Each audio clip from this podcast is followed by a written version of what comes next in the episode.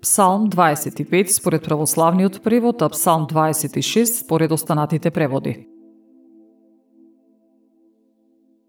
Оправдај ме, Господи, бидејќи одев непорочно и непоколебливо.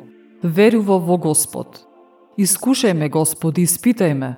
Отвори ги утробата моја и срцето мое. Твојата милост е пред очите моја јас одам во Твојата вистина. Со луѓе суетни не седам и со престапници на законот Твој не се дружам. Го намразив друштвото на злонамерните, со нечистивите нема да седнам. Ги мијам рацете своји во невиноста и го обиколувам жртвеникот Твој Господи, за да ја разгласувам похвалата Твоја и да ги раскажувам сите Твои чудесни дела.